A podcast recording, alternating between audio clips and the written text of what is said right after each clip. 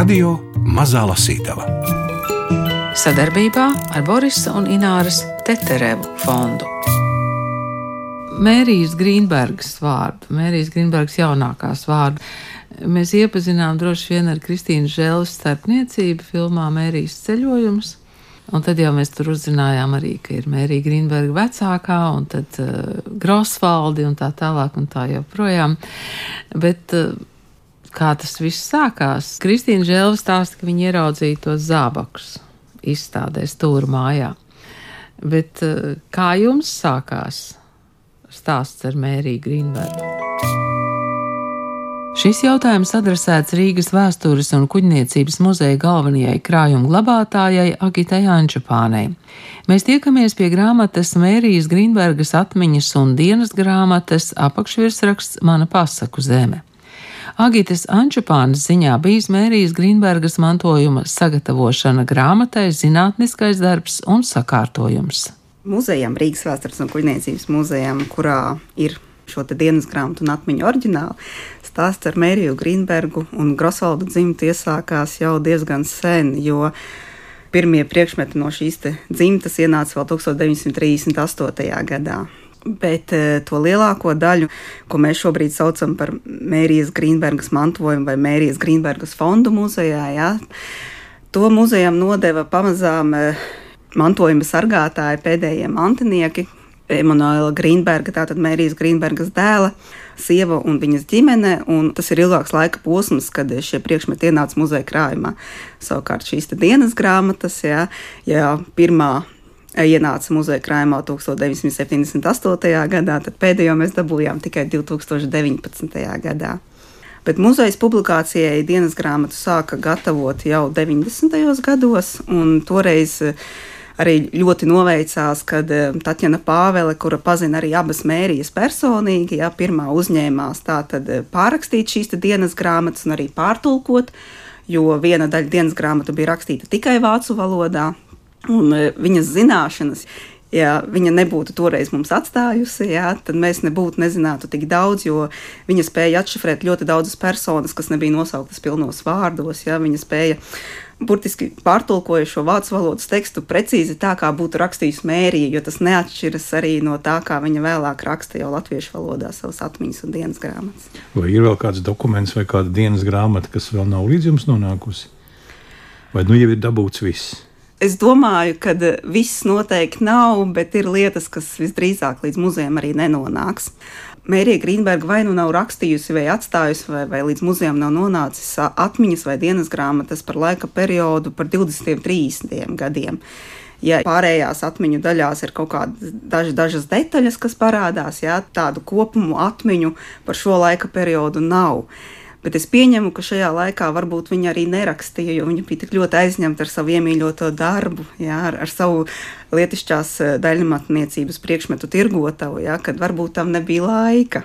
E, muzeja krājumā gan ir neliela atmiņu kladīte, kurā viņai ir aprakstīti daži kuriozi notikumi veikalā. Jā. Nu, šoreiz publikācijos tā sanāca ļoti pilna, un tur ir tikai dažas atsevišķas ainiņas.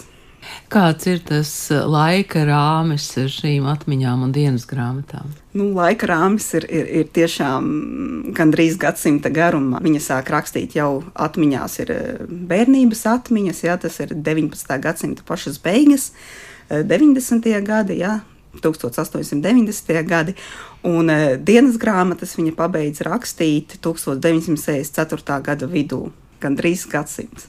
Bet eh, kā jūs ieteiktu tagad lasīt eh, Kristīnas Želvas Grosvaldus? Pa priekšu, vai Mērijas Grīnbergas atmiņas un dienas grāmatas pēc tam, vai otrādi? Tas ir sarežģīts jautājums, jo. Tiem, kur ir izlasījuši tie, kur valdus, jau šis jautājums atkrīt pats par no sevis. Tas tā ir, bet es domāju, ka šajā gadījumā tas nav būtiski, jo grāmatas jau viena otru papildina. Ja?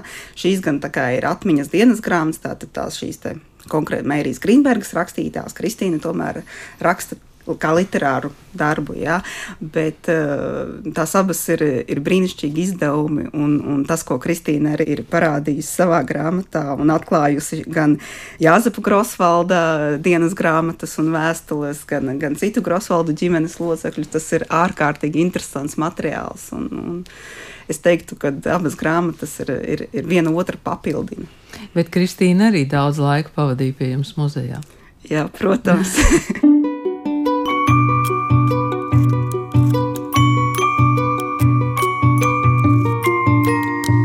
Radio Mazā Lasītava. Viens no cilvēkiem, kurš tiešām izlasījis Kristīnas Želvis Grosvaldes no vāka līdz vākam, pie tam skaļā balsī, ir aktieris Gundars Āboliņš. Viņa lasītos Grosvaldes skanēšanai ēterā gatavo radioteātris, bet radio mazajā lasītavā viņš šodien lasa fragmentus no Mērijas Grīnbergas atmiņām, dienas grāmatām un jautā Agitai Ančapānei. Es izlasu, te ir tāds otrs virsraksts, mana pasaku zeme.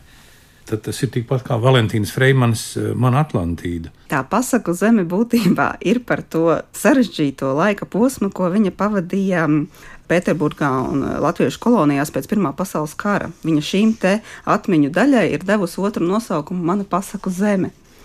Un es ilgi domāju, kāpēc, jo tas laiks ir bijis ārkārtīgi sarežģīts. Un tad es sapratu, ka visu to viņas dzīvi Viņu ir pavadījusi šī ārkārtīgi lielā mīlestība pret savu ģimeni, pret savu vīru.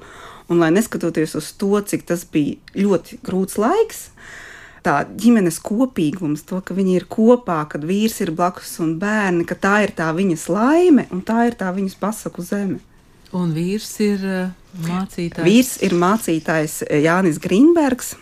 Un uh, uzreiz nākamā dienā, burtiski pēc kāzām, 1907. gada oktobrī, viņi dodas uz Pēterburgu, kur viņš kalpo Jēzus baznīcas draudzē, uh, draudzē baznīcā, uh, Latviešu un Krievu draudzēs.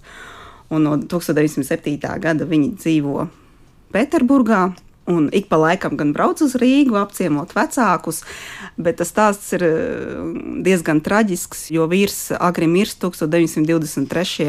gada vasarā tāds traģiskais ir arī tajā, ka Mērija ļoti pārdzīvo to nu, viņas mīlestību pret vīru. Tur, tur lasot šīs rindas, tu jūti, cik tā ir bijusi cieņpilna mīlestība vienam pret otru.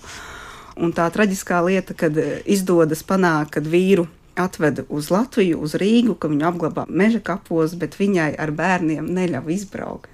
Viņa paliek tajā brīdī vēl Pēterburgā, un Latvijā atgriežas viņa tikai 24. gada sākumā, janvārī nu es uzšķīru te uz labu laimi. Kad biju maza, vēl krietni pirms skolas gadiem mēs dzīvojām toreiz teātra bulvārī numur 9 Špora namā.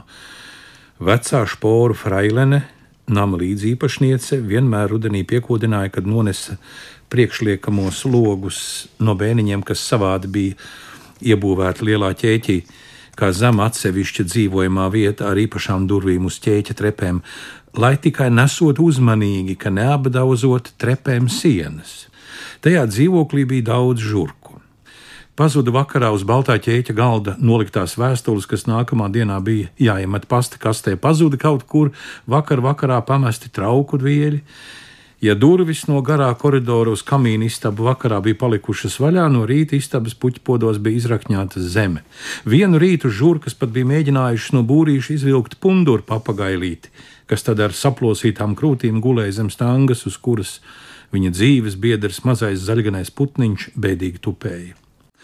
Mums uz zingeru šūmašīnas stāvēja deķis no nebalināta audekla. Deķīšam abas malas bija izraibotas ar vijīgām uzšūtām līnijām no sarkanas sutažas un baltiem diegiem. Man patika šo deķīti piestiprināt sev mugurpusē kā garu šlepi, rokā es paņēmu nelielu lelli, krievu sarkanā kreklā ar melnām samta biksēm un lakātas zābaciņiem. Tas bija mans vaņa. Pa istabām ar viņu staigādama es visiem stāstīju, ka braucu uz Pēterburgu. Labprāt, es arī mēdzu kāpt uz krēslu un runāt tā, it kā sprediķotu, un cita iemīļota spēle bija puķu bodīte. Dzīvoklī bija daudz noziedējušu tulpju, hiacinšu, maipuķīšu un citu puķu podu. Tos mums bērniem labprāt atvēlēja spēlēšanai. Bērnu istaba bija patumša, jo divi lielie logi izgāja uz sēdes pusi, bet tur bija daudz telpu visādām spēlēm. es mazo gaiši pulēto bērnu galdu noliku kaut kur, ar krēsliem malā norobežoju, uzkrāmēju puķu podas rindā, sagriezu no papīra naudu, to izdalīju lieliem un sāku savu andeli. Es nogriezu lapiņas un novītu šos ziedus un sasēju pušķīšus, tad gaidīju pircējus. Tā es dzīvē vēlāk dabūju savu Jāni, ar ko braucu uz Pēterburgu un daudz vēlāk arī savu bodīti. Nu, tajā pie manis Jānis ir Mērijas Grīnbergs vīrs Jānis Grīnbergs, Lutāņu mācītājs, kā jūs teicāt, Krievijas Latviešu evaņģēlisku luterisko draugu bīskaps. Un Mērija Grīnberga atvēra savu latviešu lietišķās mākslas salonu 1926. gadā Rīgā. Tā ir tā vodīta. Tas ir te vecrīgā, jā? Jā, tas ir pretim operai. Tur ir piemiņas zīme Grosvaldiem un arī Mērijai Grīnbergai. Paspasīs pulvārs 20 šobrīd. Kad 1922. gadā ar vīru Rīgā no Krievijas ciemojāmies, viņš smaidīdams uz vēlākām bodas telpām rādīdams sacīja, un tad vēlāk paprasa tēvam, lai tev dod telpas bodītei, es dzīvošu laukos un braukšu pie tevis ciemā. Es nevarēju saprast, kā es dzīvošu Rīgā un viņš laukos, ja mēs cik iespējams nekad nešķīrāmies. Nākamā gadā vīrs nomira. 1926. gadā vienā sestdienā es atvēru to bodīti, un pēc neilga laika laukos dzīvoja manas dzīves pēdējā aizraušanās labs draugs. Tas ir Rihards Zariņš, Kandavas evaņģēliskās luteriskās baznīcas mācītājs, skauta organizācijas mācītājs, aktīvs Kandavas sabiedriskās dzīves organizētājs un rakstījis arī dzēju. Un šad un tad viņš no laukiem brauc pie manis ciemā, un sākās manas dzīves ražīgākais posms. Vai jums ir jautājums šīs atsauces un paskaidrojumi? Tas ir jūsu darbs. Tas ir Taķinas Pāveles un mans darbs. Tās dienas grāmatas un atmiņu daļas, ko viņa paspēja sagatavot. Ļoti daudzus komentārus un personas atšifrēja tieši viņa. Māte labprāt ēda langue de chat, gareniskus šokolādes gabaliņus ar diviem apaļiem galiem. Kastītē uz vāka bija divas kaķu galvas. Gareniskie gabaliņi bija salikti rindās, un starp rindām bija staniola papīrs. Pirka šo šokolādi veikalā Harf Aleksandra ielā, tur, kur tagad Leņķina ielā sēklu veikals. Vai tās nāca no Kraft, Pēterburgā? Nezinu, bet četrkantīgi šokolādes gabaliņi ar vidū iespiestu zvaigznīti un zaļo pistāciju pildījumu gan bija Kraft ražojums.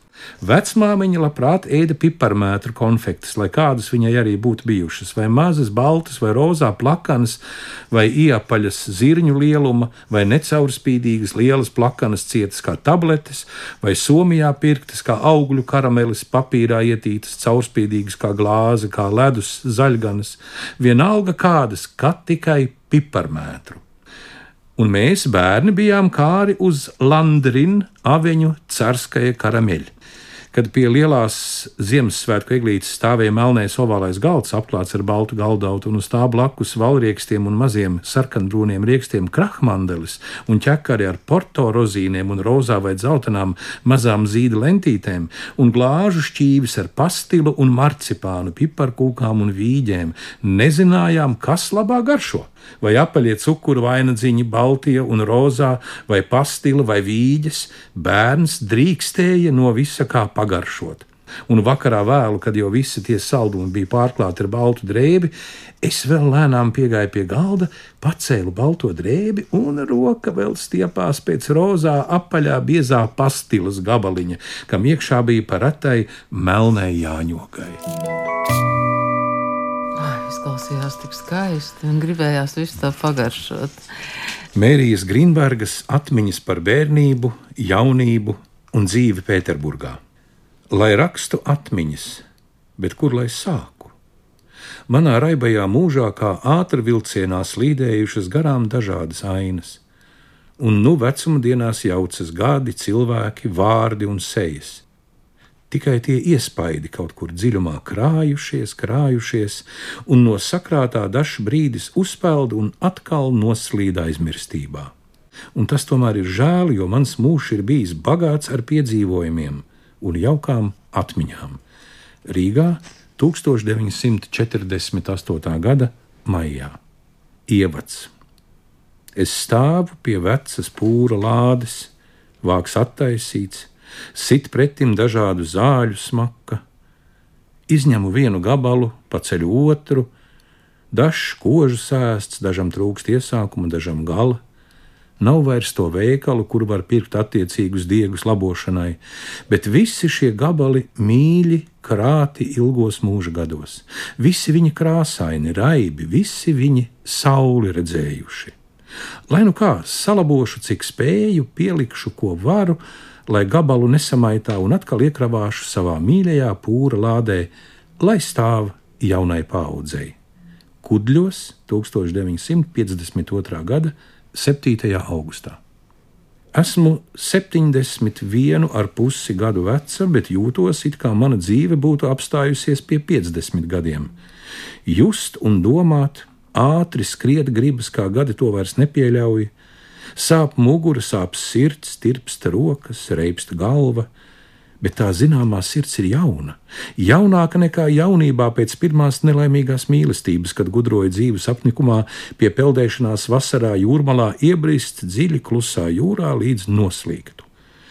Jeb iedomājos, mana mūža pārpilnības gados mazāk un mazāk ēst, maltīties pie galda, lai galu galā no bada mirtu. Jeb visu dienu dārzā dobes ravēdama iedomājos, kad mugura iesāpējās, ka tādā veidā pārpūlēšos un miršu. Jā, toreiz man skapī un pie sienas vasarā jūrmalā manā istabā skaitījās desmit baltas vasaras kleitas. Katru gadu šuva vienu jaunu, un to drīkstēja vilkt tikai vasaras svētkos un mātes vārda dienā, 22. jūlijā. Drēbes bija izturīgas, pirka to vislabāko, Bez tām desmit baltām vasaras kleidām skaitījās tikpat daudz dažādu blūžu, desmit pāri dažādu kurpju - sarkanas, baltas, brūnas, melnas, lakādas un melnas. Man patika tos desmit pārus kurpju nospodrināt, kad viņas visas rindā saliktas stāvēja manā priekšā uz grīdas. Pašlaik veselas man nav nevienas kurpes, izņemot to vienu pāri, ko pirms 28 gadiem man iedāvināja vienām vakariņām, kur man bija tas gods sēdēt vienam ministram blakus. Zem šāda tām kurpēm šodien stipra plankumaina, tas toreizējais ministrs kaut kur ziemeļos izsūtīts, beidzis savu karjeru.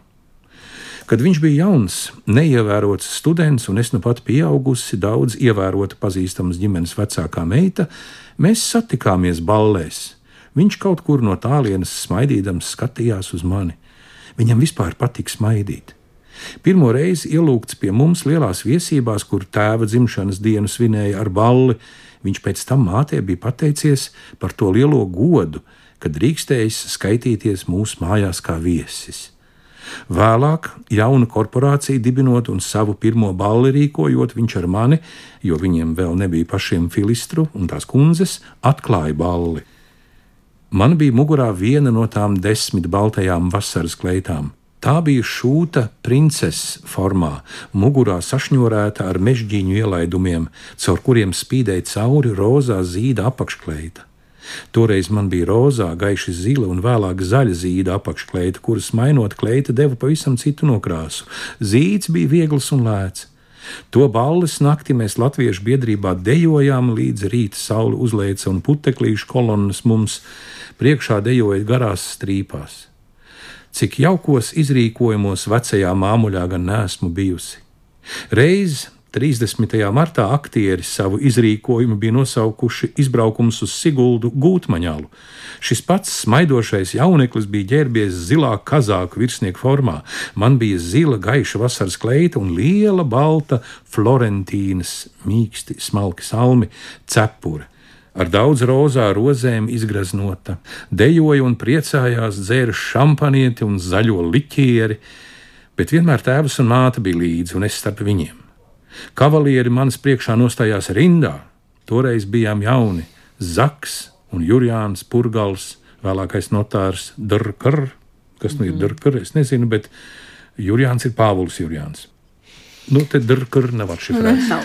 Nu, Nav. var Visas teikt, varēja. ne Pieņemts, pieņemts nebija vairāk kā vienreiz caur visu zāli riņķī dejot, tad atkal mainījās dejotājs. Tā kā tēvs bija biedrības priekšnieks un mūsu ģimene ieņēma ļoti redzamu stāvokli, man netrūka kavalieru. Zāles vidū ballēs sastājās dejotāji vīrieši un gar zāles sienām sēdēja jaunavas. Lielākā daļa starp vecākiem vai ar kādu vecāku pavadītāju. Nebija pašu vecāku, lūdzu kādu pazīstamu, lai to ņem savā apsardzībā. Balmuter bija pazīstams izteiciens. Kungi dejoja ar baltiem glicēju cimdiem, lai skaistām dāmām, ja rokas karstas neatstātu pēdas uz gaišām kleitām. Vīrieši pat ņēma līdzi vairāk nekā vienu cimdu pāri, jo pēc daudzām dejām balti cimdi cauri izsvīda. Uz ielas pusi Latviešu biedrības lielajā zālē viscaur bija logi. Tur arī zāles galā stāvēja galdi tiem, kas ko tērzēja, jeb ko dzēra. Reiz tur pie viena galda bija nosēdusies kāda partija vecāku skolēnu, kas dzēra alu. Mēdza pasūtīt pa pusducim. Skolēnu priekšā stāvēja vesela baterija tukšu pudeļu. Lepni, ka jau tik daudz tērējuši, viņi pasūtīja vēl alu. Tēvam šī tukšo pudeļu lielība bija ārkārtīgi pretīga. Viņš pasauca viesmīli un lika novākt pudeļu kaudzi. Skolēnis sašutuši skatījās uz viesmīli. Man bija sarkans vakara apmetnis ar mazu gaišu lapsas krādziņu, garderoba bija turpat aiz zāles durvīm. Kad taisījāmies mājup, viens un otrs no kavalīriem steidzās man to pasniegt, citi klanīdamies stāvēja pie zāles durvīm. Muzejā ir vairākas uh, Mērijas Grīsbergas jaunākās bērnības kleitiņas un apģērbi, bet tas lielākais vairums laikam ir no Mērijas Grīsbergas uh, lietišķās amatniecības uh, veikaliņa. Mm -hmm. Tautas ir tautas tērpa sastāvdaļas, jo nu, tas Mērijas mūžs ir bijis tik sarežģīts, ka patiesībā jau tās savas drēbes viņi novalkāja līdz pēdējiem padomu laikos, un tur vienkārši nebija vairs ko arī iet atdot muzejām. Esplanāde. Vecās Rīgas esplanādi mēdza saukt glazēplats, nu tāda palama.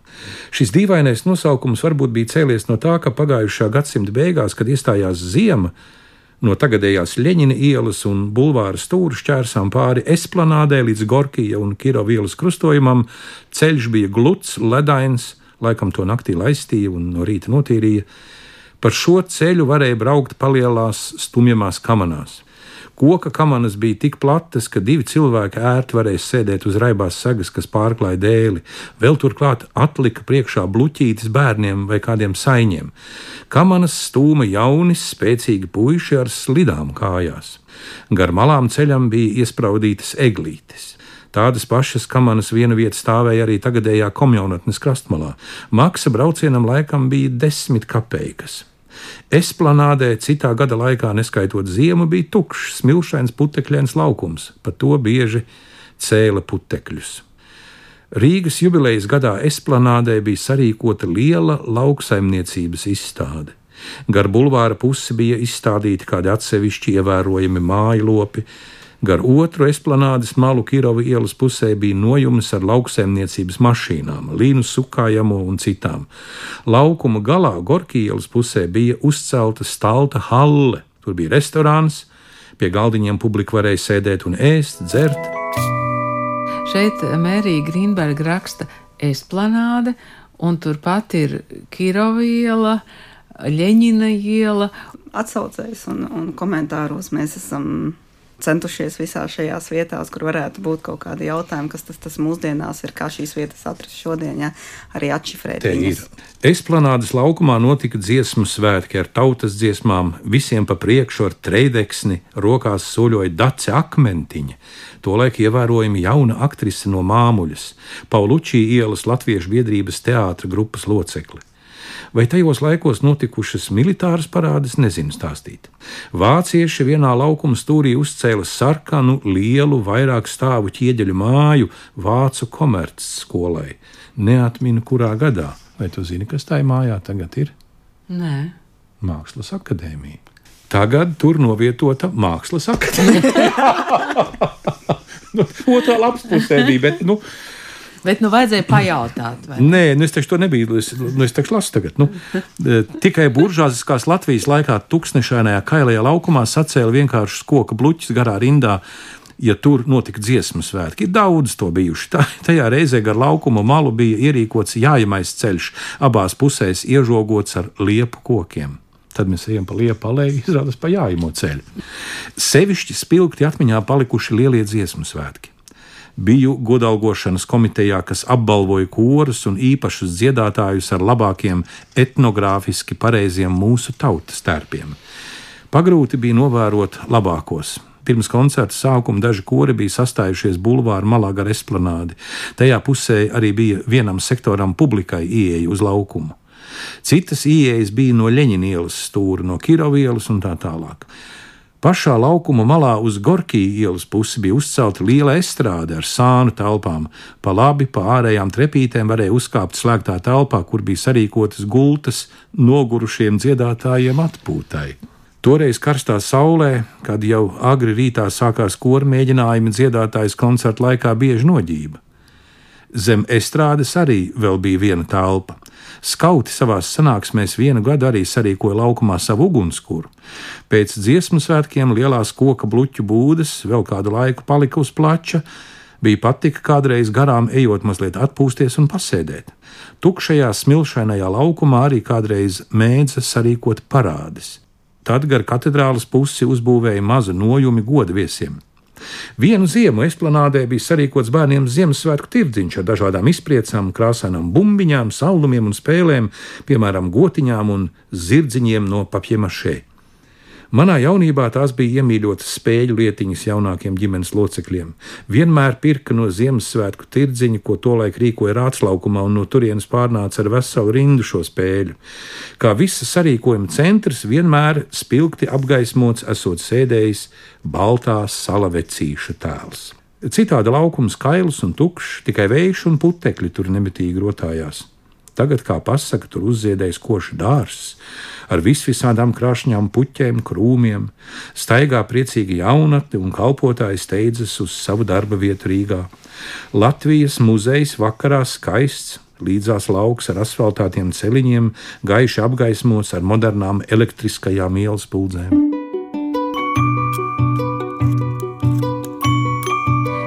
Grīnbergas atmiņas un dienas grāmatas izdevuši Latvijas mēdīji. Stāstīja Rīgas vēstures un kuģniecības muzeja galvenā krājuma glabātāja Agita Ančupāne, lasīja Gundars Āboliņš, klausījās Nora Mitspapa, Agita Bērziņa un Ingvilda Strautmane. Agita Ančupāne vēl paskaidro, kas īsti ir melnā kladīte un kas gaišā. Tas pirmais ievads ir 1948. gadā, kad mm. viņi tā kā acīm redzot, nolēma, ka ir jāraksta, bet ķeras klāt tikai 52. Okay. Tā kā atmiņas viņa sāk rakstīt 1952. gadā, un šo atmiņu daļu raksta līdz pat 1968. Paralēli viņa raksta to savu dienas grāmatu par to, kas notiek katru dienu. À, tā tas jā. notiek. Jā. Un, un viņa pati arī Tatjanai Pāvelei ir teikusi, ka tā arī vizuāli izskatās, ka tā dienas grāmata viņai ir tāda melnā kladīte. Un, uh, viņa pati uh, saka, ka uh, viņa tur raksta, tad, kad ir grūti, tad, kad vai kaut kur tā, tās savas emocijas izlika. Tā ir tā viņas melnā grāmata. Un paralēli viņa raksta šīs savas atmiņas, kas ir viņas tā gaišā grāmata. Ja? Tādēļ varbūt viņas arī ir tik patīkamas, nu, lasot, un tagad es klausoties, nu, man visu laiku smaids ir sejā, jo nu, tas ir tik sirsnīgi, tik patiesi, tik emocionāli, un Mērijas rakstnieka talants arī šeit ir.